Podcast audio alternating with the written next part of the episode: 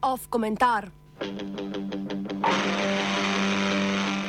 Na mesto ruž besede.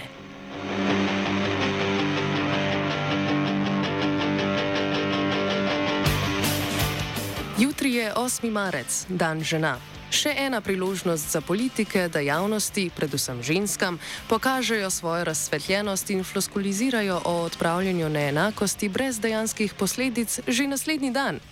Da ženskam na dan, ki se je, ne pozabimo, izvorno imenoval Dan delovnih žena, govorijo naj praznujejo, ne protestirajo. Tako je tudi trenutna slovenska vlada napovedala svoje praznovanje s plemenitim, a zdaj že klišejskim sloganom: Na mesto rož dejanja.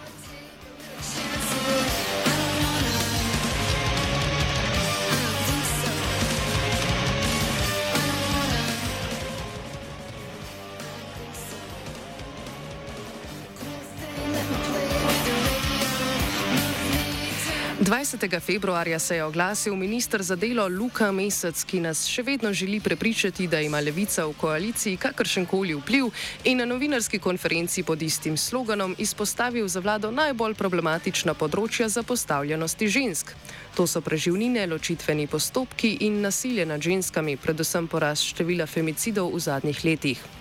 Na njegovem ministrstvu so v luči teh problemov v javno obravnavo vložili resolucijo o nacionalnem programu preprečevanja nasilja v družini in nasilja nad ženskami.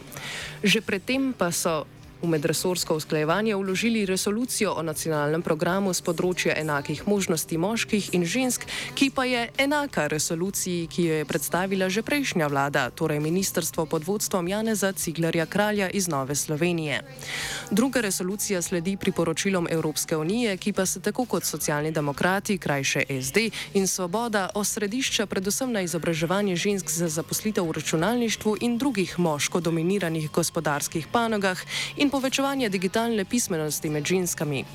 Gre za izrazit prepad med identificiranimi problemi in rešitvami, ki jih vlada ponuja.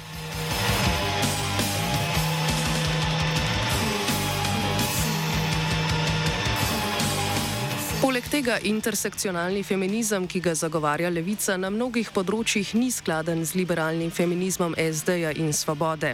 Težave, kot vemo, so sistemske in popolna enakost spolov v liberalizmu ni mogoča. Ta sistem temelji na neenakosti in neenakost spolov je eden poglavitnih pogojev, da deluje. Na račun žensk odpira moškim več možnosti, enako kot na račun delavcev omogoča kopičenje bogatstva v rokah lastnikov.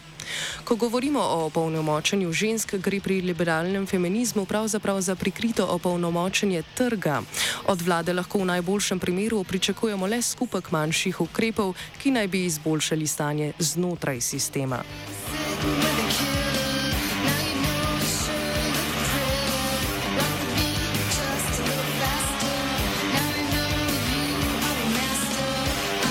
Eden temeljnih načinov, na katere liberalni feminizem domnevno ukinja patriarhat, je uporaba spolno vključujočih jezikovnih form. Gibanje Svoboda pa je bilo navdihnjeno celo do te mere, da so v svojem strankarskem programu izumili novo besedo za omejevanje pravic žensk. To je žensko menjavanje. Stvar govori sama zase, če tudi gre za tiskarskega škrata.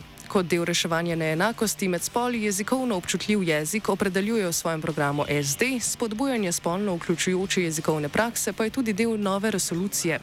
Stranke na mnogih področjih pravic žensk kot prakso predstavljajo lastno zgledno vedenje. A kot kaže, imajo tudi sami pred sabo veliko dela. Ministr Mesec je naprimer na prej omenjeni tiskovni konferenci ženske oklical za šipkejši spol. Are you gonna liberate us girls from male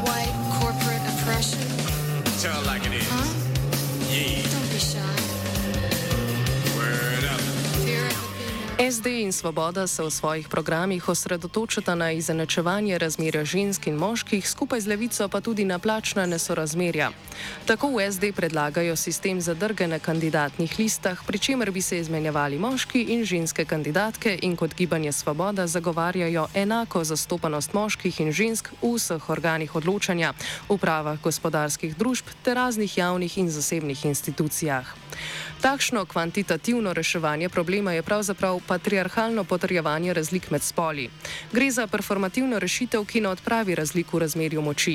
Da bi lahko ljudi zaposlovali na podlagi njihove izobrazbe in delovnih izkušenj ter drugih dejansko pomembnih kriterijev in ne na podlagi spola, bi morali odpraviti neenakosti na drugih področjih. Sistemsko.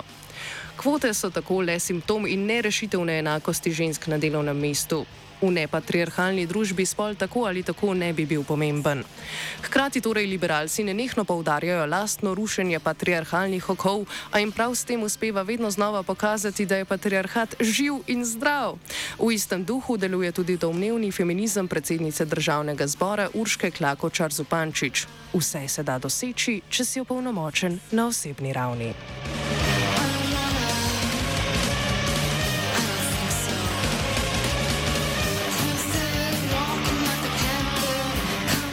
Svoboda kot največja in najvplivnejša stranka pri glasovanju v državnem zboru v svojem programu ženska omeni natanko trikrat in problematiko upokojenih žensk, femicidov ali ženskega neplačenega reproduktivnega dela za razliko od koalicijskih partneric sploh ne ošvrkne.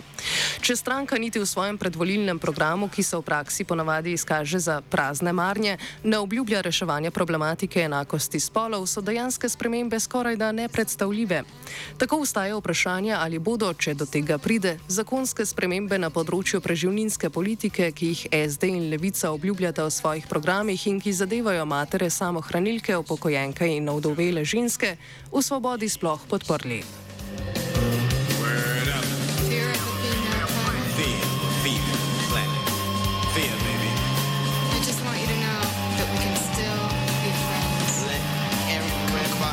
V mandatu trenutne vlade se na področju enakosti žensk ni spremenilo nič. Tudi predlog nove resolucije ponuja zelo abstraktne in ohlapne rešitve za sicer dobro identificirane probleme, a kot kaže, bo šlo pri konkretizaciji ukrepov za izobraževanje delavnice spodbujanje večje vključenosti žensk v javno življenje in promocijo odprave stereotipnih družbenih vlog. Vlada ni sprejela nobenega zakona, ki bi se direktno odražal v spremembi položaja žensk v družbi, pa tudi obstoječih zakonov še niso spremenili, da bi začeli reševati prej obravnavane probleme.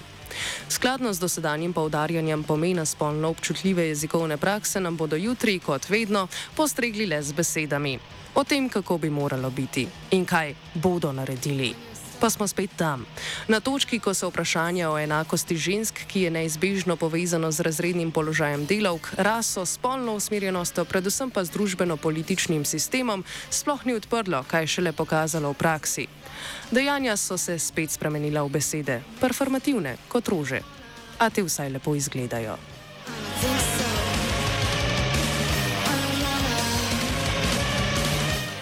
Ov komentar je z besedičila Pija Zala.